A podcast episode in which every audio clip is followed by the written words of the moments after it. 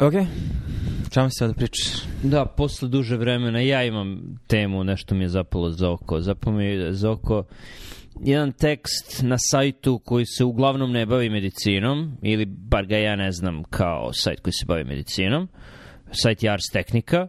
koji, koga se ja sećam po, ne znam, nekada davno imali su jako dobre ove opise macOS-a svake godine kada izađe novi imaju ono na, na 100 strana šta sve ima novo sa referencama koje idu unazad 20 godina, nije bitno. E, sada je izašao jedan tekst koji opisuje članak, uh, u nije članak, izveštaj neke fondacije, ne mogu sad da se setim, poslao sam ti link, koja je fondacija, neki Commonwealth Fund ili tako nešto. Uh, naslov je sledeći uh, ili u, u ovom je stilu opet ne, ne mogu sad napamet da, da se setim ti ćeš da, da pronađeš pa ćeš, pa ćeš mi. Evo da piše uh, Amerika i dalje ima najgore najskuplje zdravstvo od svih uh, bogatih zemalja. To je naslov na Ars Tehnici a ovo jeste Commonwealth Fund uh,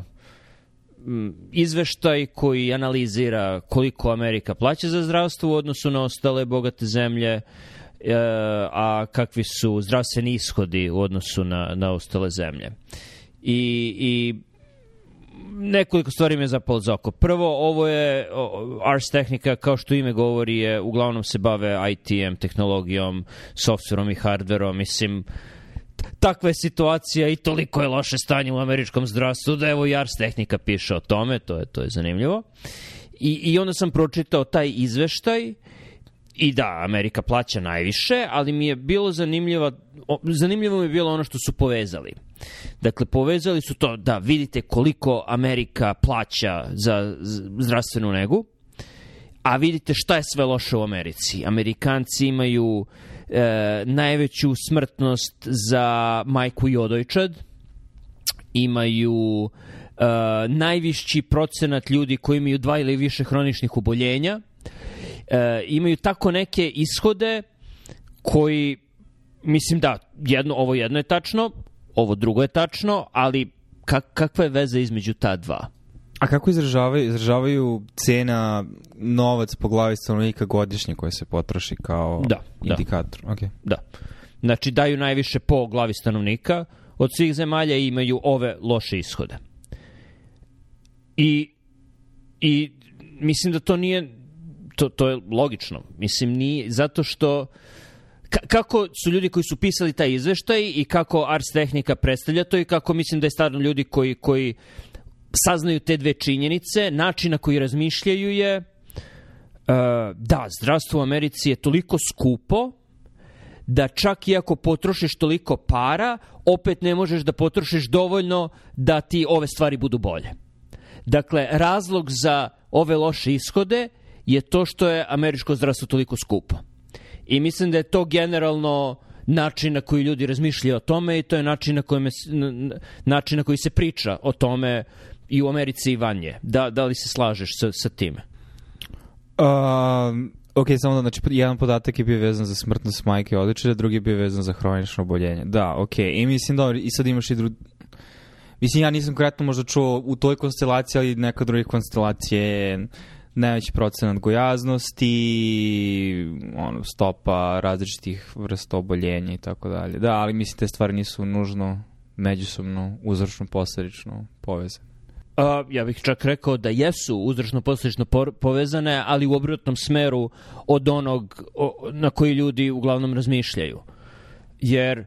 postoje razlozi zašto je visoka smrtnost dece, odojčadi, maj, majki na, na ono, porodilja.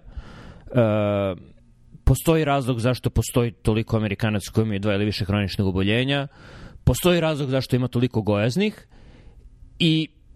to sve te činjenice, sve, sve te stvari dovode do toga da Amerikanci toliko troše na zdravstvo. Dakle, uzrok za toliko potrošnju... Ok, smer je obrnut, ok, razumijem što hoćeš da kažeš. Ili bare, mislim, da, da, ok, cena je posledica, ne, ne, ne, ovaj, da je cena posledica loše generalno zdravstvenog stanja američke populacije. Da. Između ostalog, u cenu ulazi između ostalog, pošto ima drugih razloga zašto je američko zdravstvo skupo, mislim. Da koji nemaju veze sa ishodima pacijenta, nego sa sistemom samim po sebi. Tačno tako. Dakle, postoje drugi razlozi i možemo da pričamo o tim razlozima zašto je zdravlje Amerikanaca generalno loše i svi ti razlozi dovode do toga da se ubacuje gomila para zbog te ogromne količine para koje se ubacuje, to dovodi do ne, neefikasnosti, što te tera da trošiš još više i više, ali bez obzira na to koliko para bacaš u to, to neće da poboljša ove ishode o kojima je pričao izveštaj Commonwealth fonda i o kojima je pisala Art Technica. Dakle, ljudi čini mi se zamišljaju kako zamišljaju? Zdravlje, ako misliš igrica, Doom, na primjer, ili šta god, imaš, imaš health,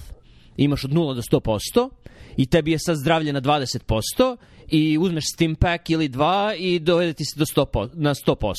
I problem sa američkim zdravstvom je što je Steam Pack suviše skup i kada bismo samo mogli da smanjimo cenu Steam Packa, ima, imali bismo dovoljno Steam Packova da podelimo svim ljudima i svim, svima bi bilo zdravlje na 100%. Ali ne.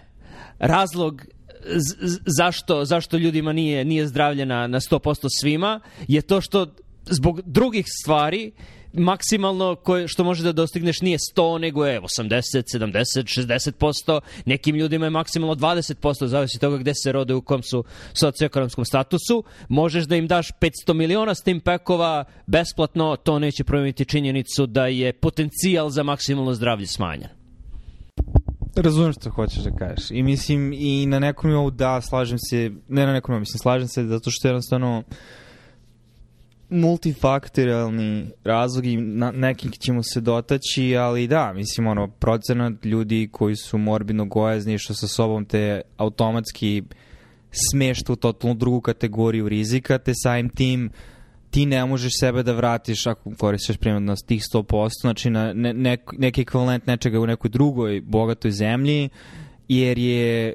potencijal za vraćanje u to zdravstveno stanje uh, gotovo bespovratno izgubljen. Što si mlađi, naravno, taj potencijal je veći i što si duže sa svim tim hroničnim, što si kraći sa svim tim hroničnim oboljenjima, lakše ih možeš reverzirati, ali ako imaš 40 godina, imaš BMI 45, a, šansa da imaš dobre ishode sa 60, koliko god novca uložio, a,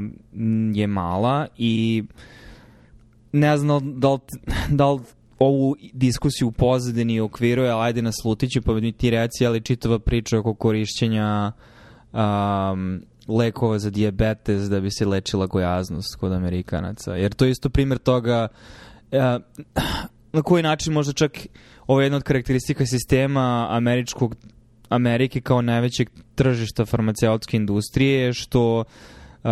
i pritisaka koje postoje na različitim nivoima i manifestuju se na različite načine da se to sad smatra nečim što lekarska društva izdaju za a, neophodnom intervencijom kod ljudi koji su gojazni. Znači, E, e, znaš o čemu pričam, mislim?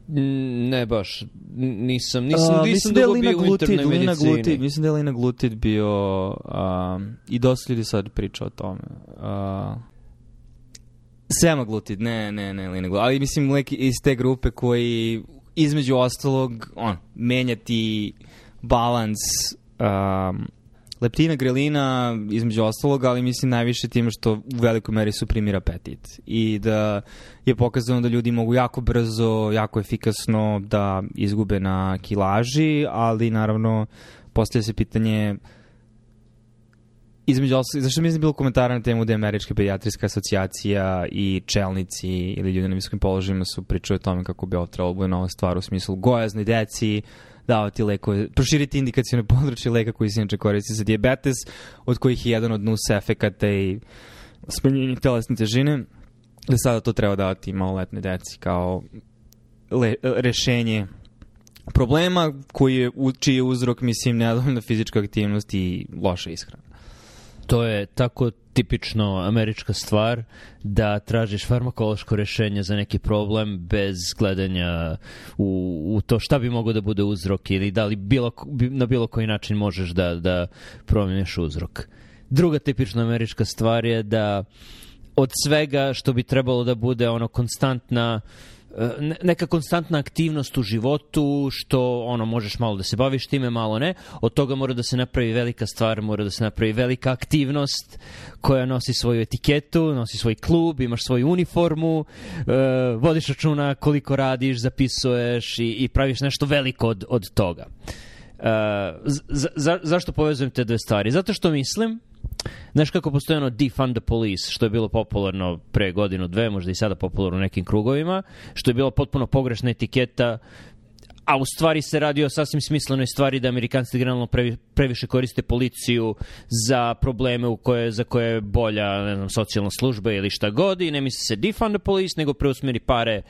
od policije na te socijalne službe i to. E pa ja imam drugi slogan koji isto može pogrešno da se, da se, da se shvati, a, ali mislim da, da je suština bitna, a to je treba zabraniti automobile u Americi, jer mislim da su automobili posle uh, loše higijene i ono loših sanitarnih uslova u 19. veku i posle pušenja u 20. veku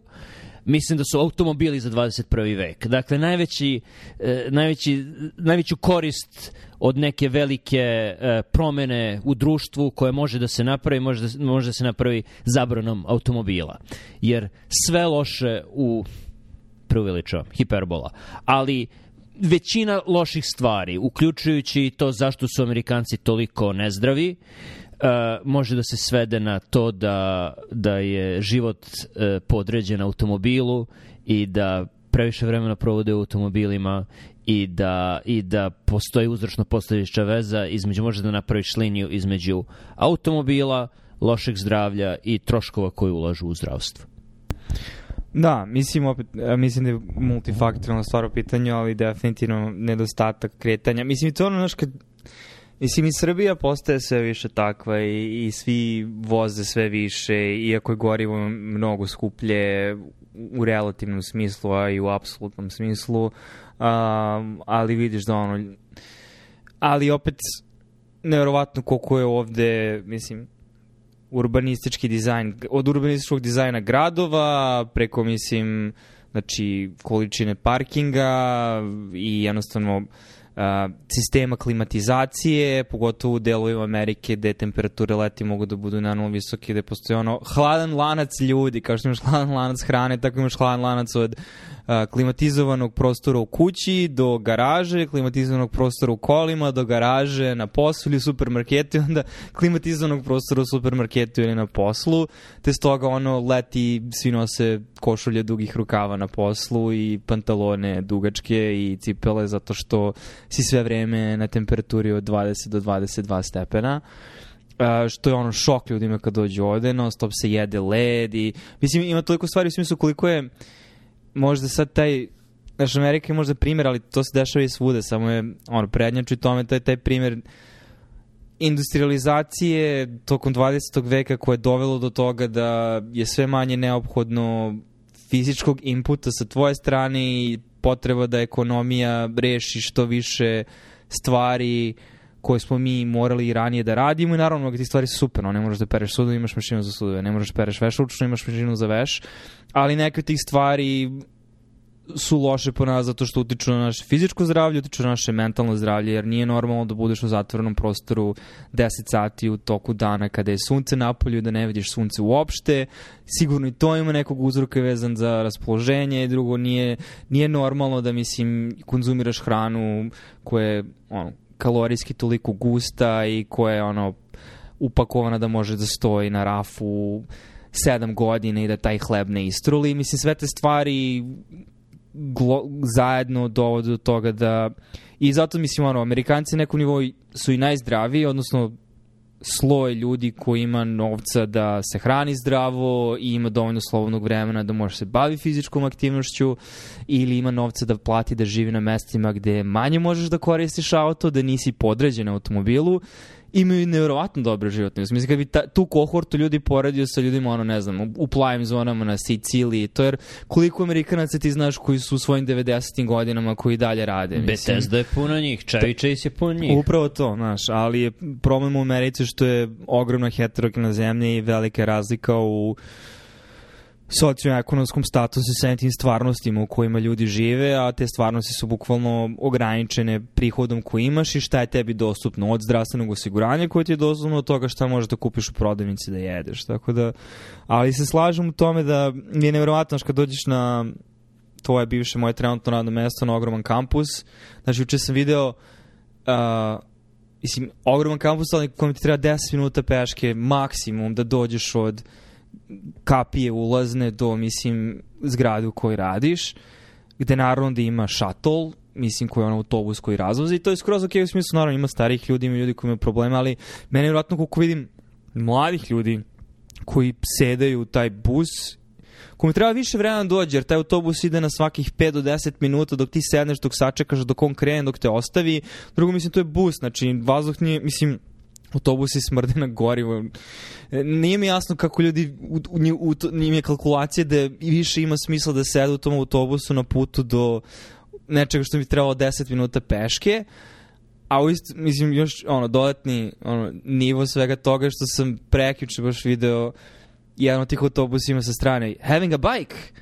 Uh, put your bike here, kao imamo prostor za bicikl. I onda mi jasno, čekaj, ako ti ideš biciklom na posao i sad tih zadnjih 2% svoje maršrute nećeš voziti, pred ima gomila staza i puteva koje možeš da dođeš biciklom direktno zgrade. Ne, ti ćeš da staviš bicikl. I, mislim, okej, okay, možda neko došao metrom, ali šta god, ali, znaš, nije mi jasno sad taj moment da si dolaziš biciklom i biciklom bi ti trebalo dva minuta da dođeš dotle, ti ćeš da ga staviš u autobus da bi sedao u autobusu da bi te neko dovezu do, do,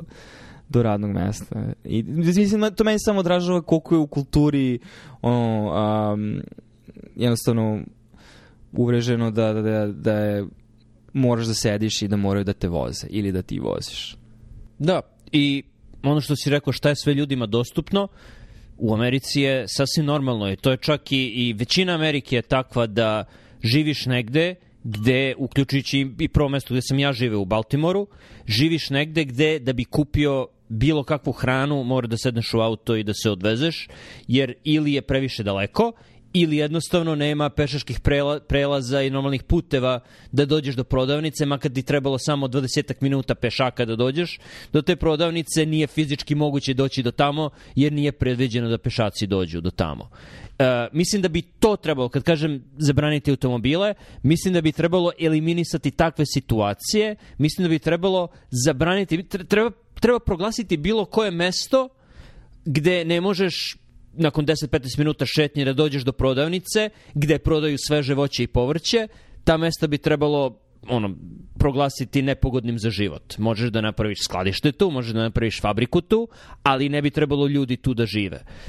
a ne raditi ono što, što oni sad rade gde imaš ono centar grada gde postoje neka pravila sa zoniranjem gde ne možeš da imaš više od XY ljudi, gde zabranjuju ljudima da žive tamo gde ljudi žele da žive i tako veštački pumpaju cenu nekretnina na tim mestima,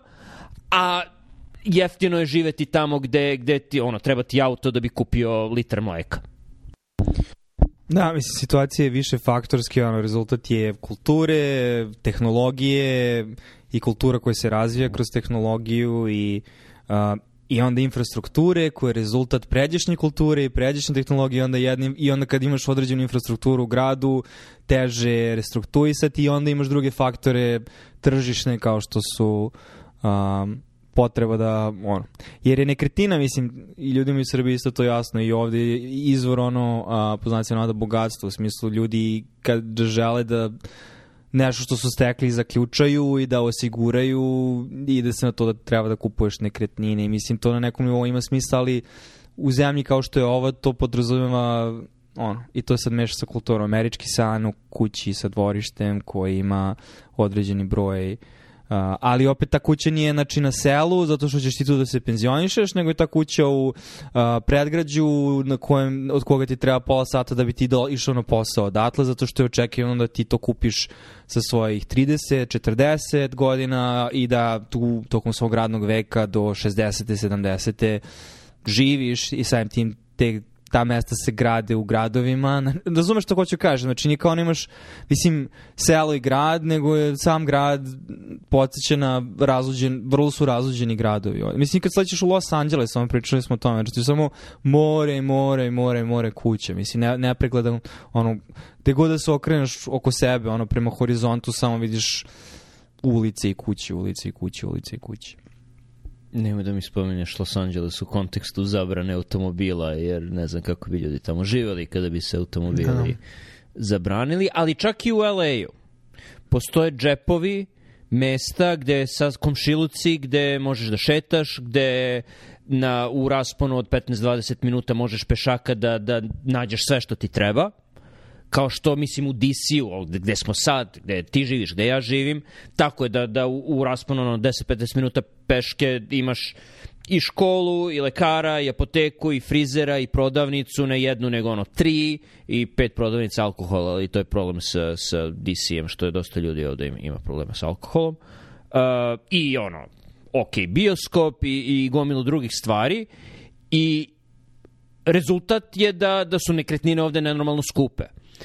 I a, a, ali zar nije jednostavno rješenje da kada praviš nova naselja iskopiraš ono što je već skupo i što znaš da je uspešno na drugim mestima, a ne da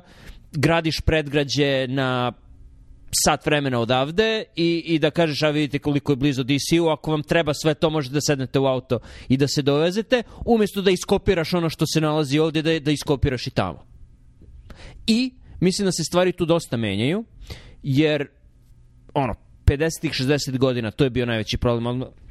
nakon drugog svjetskog rata, kada je ne znam, postoje teorije zavere gde su ono, naftni lobi su eliminisali uh, pruge i, i ono, javni transport iz, iz ono, kompeticije, tako da, da je sve bilo podređeno automobilima i putevima. Svejedno. Uh, to je bio plan ono, od 50-ih do 80-ih godina, 90-ih. Sada kada gledamo ono, kako treba Montgomery County da se razvija, kako treba ono,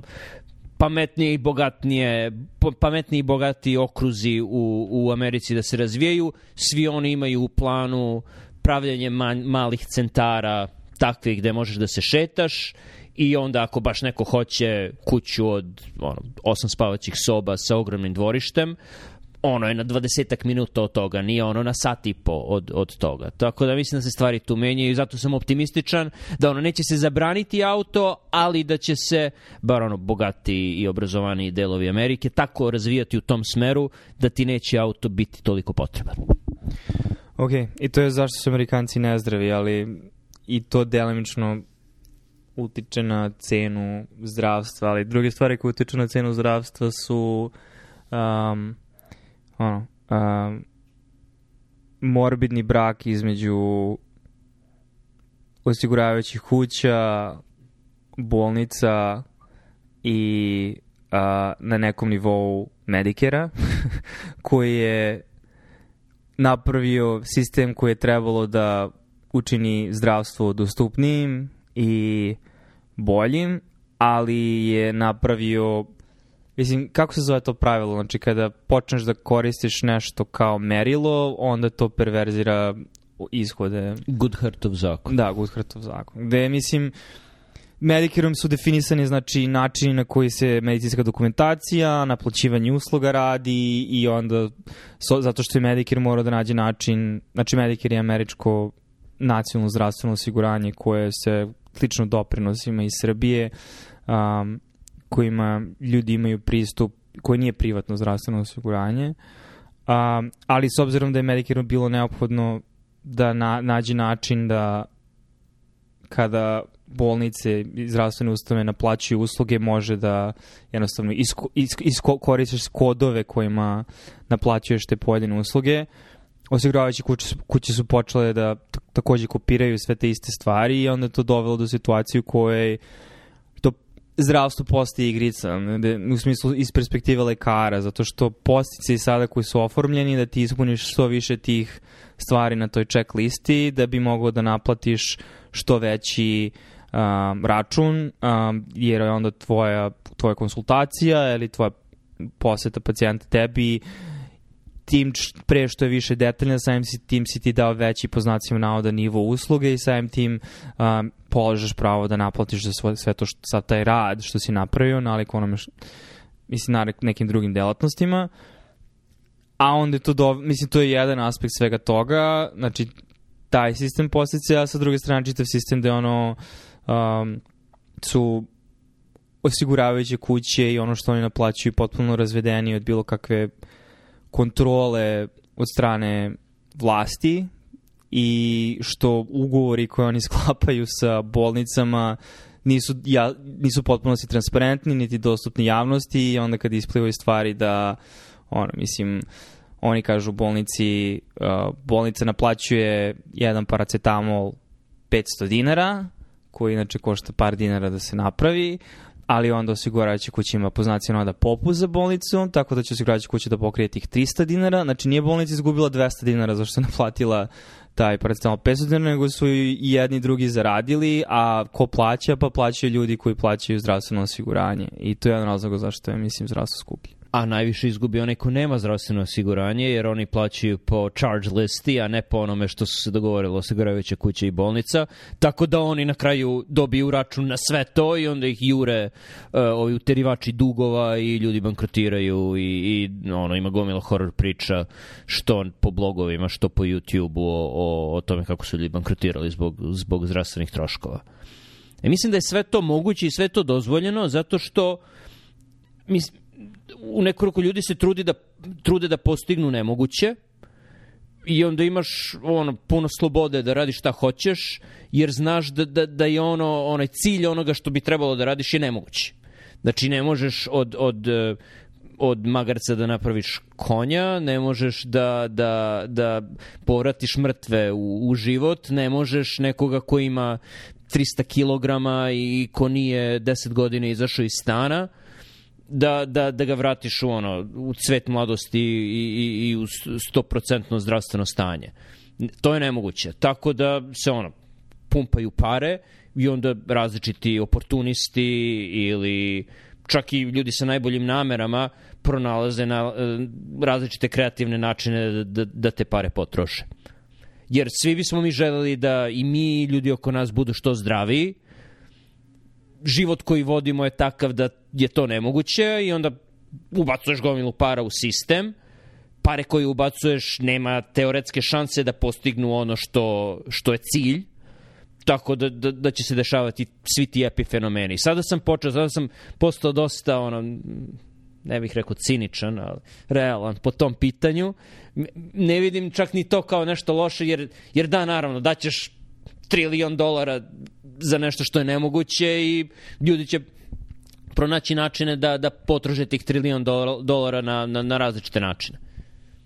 Ali tih trilion dolara, mislim, ako, dolara, ako to koristiš kao primjer, mislim, nije voljni, voljna participacija ljudi, nego jednostavno nešto što moraš da platiš kroz osiguranje koje je tebi dostupno preko tvog poslodavca i, i onda plaćaš određenu premiju mesečno, ali mislim primjer toga je zašto on dođe u situaciju da tvoj osiguravajuća kuća neće pokrije neke stvari koje su bazična zdravstvena nega na nekom nivou. I to je sad paradoks svega toga, da nije sad samo ono da se upumpavaju stvari da bi se radili stvari koje su nemoguće, nego neke stvari koje su moguće i čak i neophodne zbog načina na koji osiguravajući kući njihovog biznis modela, mislim, načina na koji posluju, a, dolaziš situaciju da nekada zdravstvena nega ne može ti bude pružena ili moraš ti sam da platiš za nju bez obzira što imaš osiguranje. To, odlično si to primetio i to je veliki paradoks jer su resursi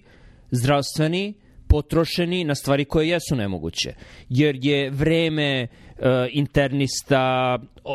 ovih uh,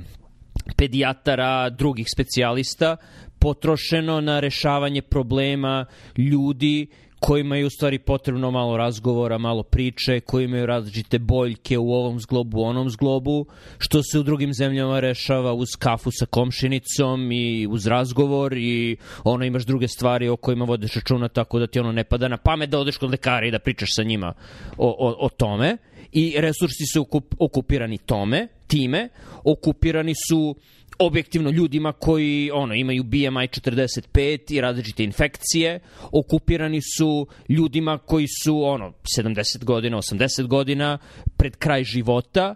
i porodica koja je otuđena od njih uh, onda tera lekare, održiti ih u životu da bih imao još ono pet dana sa mamom ili tatom, iako ih nisam video zadnjih 20 godina jer sam živao na drugom kraju zemlje. Resursi se troše na to,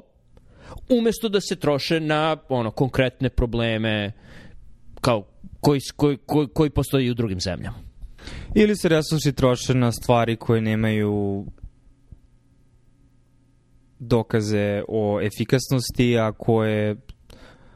kojima, koje su određeni intervencionisti podstaknuti da rade s obzirom da biznis model njihove prakse je da što više određenih procedura. Mislim, pričam konkretno o laminektomijama, o fuzijama kičme ili pričam o Paxlovidu gde imaš onda problem kad se vlada umeša u celu priču i javno-zdravstvena politika egzekutivne vlade i bele kuće koje se onda umeša u sve to. Mislim, ima toliko faktora, i, i faktor na kraju da, i to ono, mislim, da rezidenti koji se treniraju tim sistemima ne znaju koliko sve te stvari koštaju, tako da ti učiš da treniraš i da se pra praktikuješ medicinu gde ti nisi svestan cene koju će pacijent platiti na kraju dana. Mislim, neki sistemi to pokušavaju da reše, ali velika većina. Znaš, on, mislim, sveća se na rezidenci da ono ti kao, ajde da damo pacijentu banana bag. Mislim, banana bag je ono fiziološki rastor plus vitamin C, vitamin B, ne znam što još, žuta tečnost koju okačiš nekome. Ali problem zato što ta stvar košta ono, ako košta 20 dinara, mislim u smislu koliko koštaju materijali i sve to. Ali to je zato što je to zaštićeno ime, zato što je to, razumeš, ono, trade, mislim, ono, proizvod, uh, se naplaćuje više desetina ili čak ono, više od 100 dolara. Uh, a, te ti to ne znaš, mislim, nego ti kažeš, a, kačemo banana bag i to je sa tebi u glavi kao, aha, banana bag, zato što neko je alkoholičar i nema dovoljno vitamina, umesto da mu daš Beviplex i, mislim, fiziološki rastor da ga rehidriraš. Mislim, jedan od gomile primjera. Ili primjer da to da Medicare ne može da pregovara o cenama lekova sa farmaceutskim kućama i onda farmaceutske kuće mogu da napravi što go žele, a ako su oni jedini na tržištu, a, a ono, kliničke studije se rade da bi lekovi bili odobreni u Americi, da bi prevashodno izašli na tržište ovdje, jer tu mogu da naprave najviše para, mogu da naplate šta hoće. I onda je, mislim, znači ima toliko stvari koje ono kroz godine ti shvataš polako u ovom sistemu koji dolaze do toga da zdravstvo jeste toliko skupo i deo toga ja se može kažeš pa to je cena toga da imamo najnovije stvari ovde. Da, deo toga jeste, ali veliki deo toga su slojevi, slojevi tog upumpavanja i drugih ljudi koji su naši načine da u nečemu gde ima mnogo para, nema mnogo kontrole, nema mnogo odgovornosti pojedinaca ili grupa. Znači, ne možeš ti sad, mislim, ono, na kraju, ok, možda će biti neki slučajeva na vrhovnom sudu koji će izaći, ali pojente je da ono, godine prođu, decenije prođu i pare se naprave, ljudi se obogate i njih više briga. Mislim, Purdue koji proizvodi opioide imao čitav ono, seriju tužbi i oni su morali da se nagode i ok, pukli su, da su bili u pitanju milijarde dolara, mislim da jesu, ali su zaradili stotine milijarde dolara i, i ta porodica, niko njih nije otišao u zatvor i mislim oni dalje posluju samo on. Mislim, tako da, hoću kažem da kultura i zakonodavstvo i sve ostalo dostigne neki nivo prepoznavanja probleme i pristupi rešenju, pare su se već napravile i kogod je jahao taj voz izjehao. Mislim, koje pumpanje kriptovaluta gde oni koji su provalili i pumpali, ono, ko što je Musk pumpao Dogecoin i onda je izašao i napravio pare od toga, a svi ostali koji su ostali su izgubili pare. Mislim, tako da, ali to je problem vezan za ovo društvo ovde i multifaktorijalan je i teško je videti koje je rešenje. Jer nije rešenje da sad imaš ono vladu koja kontroliše sve, um, ali nije ni rešenje. Mislim, čitav point američko zdravstvo nije slobodno tržište. Znači, jer da je slobodno tržište, ti bi mogo da biraš bilo koju osiguravajuću kuću. Ko što nije ni internet u Americi slobodno tržište, zato je internet u Americi sranje, zato što imaš da biraš između ili mobilna telefonija, zato što imaš da biraš između nekoliko ljudi koji su deo oligopola, a ne, a ne mislim, pravog tržišta gde svi kompetiraju jedni sa drugima. Ali rešenje za to je jednostavno, Nebojša. Rešenje je... Vratimo se prirodi. Zabraniti automobile u prenosnom smislu, u smislu da sva energija koja se sada troši na, na male uštede tu i tamo i optimizaciju uh, pacijenta koji je na aparatima, na aparatima pod navodnicima, sva ta energija kada bi se potrošila na optimizaciju društva, na način da bude manje zavisno od automobila i da ima bolje društvene interakcije i da, da ljudi više pričaju jedni sa drugima, da bolje znaju svoje komšije, da, da više šetaju komšilukom, da, da ne, ne moraju da voze decu svuda po gradu i po različitim gradovima, nego da mogu pešaka da odšetaju tamo i ovamo. Kada bi se energija u to uložila, mislim da bi se dosta tog Gordijevog čvora otplelo i mislim da bismo došli u situaciju, ovo je smelo sa moje strane, ali hoću da, da špekulišem ovde, mislim da bi bilo kao kada si pre ono 30-40 godina pričao, a da ulkus u želucu to je stres, to su problemi, to treba da meditiraš, treba da piješ više mleka, jedeš više putera. Ne, u pitanju je bio helikobakter, u pitanju je bakterijska bolest. Mislim da gomila stvari za koje ti kažeš, a pa ovo je multifaktorialno, ovo je, da, ima puno epifenomena koji se dešavaju oko osnovnog problema američkog života, a to je zavisnost od automobila. Ne, ne, okej, okay. ja sam rekao multifaktornom smislu cene zdravstva. I jedan faktor je zašto, zašto su ljudi nezdravi. Ali zašto su ljudi nezdravi je nešto što i tekako može relativno jednostavno da se reši i tu se slažem sa to. Mislim, relativno jednostavno. Ono što mora da se promeni, mora se promeni, mora se promeni kultura i u smislu mora se promene želje ljudi, pojedinaca, ako hoćeš da koristiš ekonomski kontekst potrošača, i onda kad ti potrošači imaju različite želje, onda će se tržište toga promeniti. I mislim, to već vidim u smislu ako je Twitter ono, inkubator ideje od kojih neke ne vide svetlost dana, iako su ljudi hajpovali nenormalno, neke od njih se ispostave bitnim 5 godina od sada, neke možda neće biti bitni još 10 godina, ali ako ništa drugo vidiš da efervescira taj moment, znači zašto su gradovi ovako ružni, zašto moramo da vozimo automobile i sad kad je work from home postao normal, normalizacija, ali, mora, ali opet je ono što je sjebano, mislim, što je tužno je što benefite toga će uživati ljudi koji pripadaju socijalnim staležima koji mogu sebi da priušte fleksibilnost u životnom stilu i uh, znaš, koji mogu da priušte da uh, ali kao što si rekao, znači bogati okruzi koji sada menjaju, nadaš se da će u nekom vremenskom toku to ono pa doći do toga da to postane. Kao što je ono veganstvo bila stvar koju su ljudi u Sijetlu radili ranih 90-ih, a sada je mainstream. E tako možda će i ono infrastruktura gradova više okrenuta ka um, hodanju i fizičkoj aktivnosti i, oblicima transporta koji ne podrazumijevaju da sediš u kutiji satima, um, će doći od toga, ali moraju se promene potrebe i želje ljudi. I šta ljudi, jer to je ono što isto, i to je ono te šokove, to je prednost toga kad dođeš u neku zemlju i imaš drugu pozivnu kulture, to je ono, to je onaj moment kao ribe u vodi ne znaju da su u vodi. U smislu, meni je fascinantno kada ljudi pričaju tome kako su skroz ok da voze sat i po vremena na posao. Ili da voze sat vremena na posao i da izgube dva sata dnevno u vožnji. I onda šta radiš tih dva sata? Pa slušam radio. Znaš, i tako, i ti si okej okay sa tim. Znaš, mislim, i to je ono kad ideš od DC-a do Baltimora i tim putem, znači u bilo kom delu špica i kad vidiš, pogotovo noću, jer je mnogo očiglednije, jer vidiš more farova ispred tebe u nedogled koji idu i kao gde svi ovi ljudi idu? Mislim, idu kući, mislim, ono, znači, jedni iz jednog smera, drugi iz drugog smera, ali kao svi ovi ljudi sede u automobilu i nerviraju se što su zaglavljeni u saobraćaju. Mislim, to se dešava u Srbiji, Beograd je sada takav, ali Beograd je takav što ima loš urbanistički, urbanističko rešenje, mislim, i, i što se toko izgrađuje i toko ima svi žele da, da žive u određenim mestima, ali nadam se da će stvari krenuti u smerovima koji će dovesti do toga da mi ispadnemo u pravu.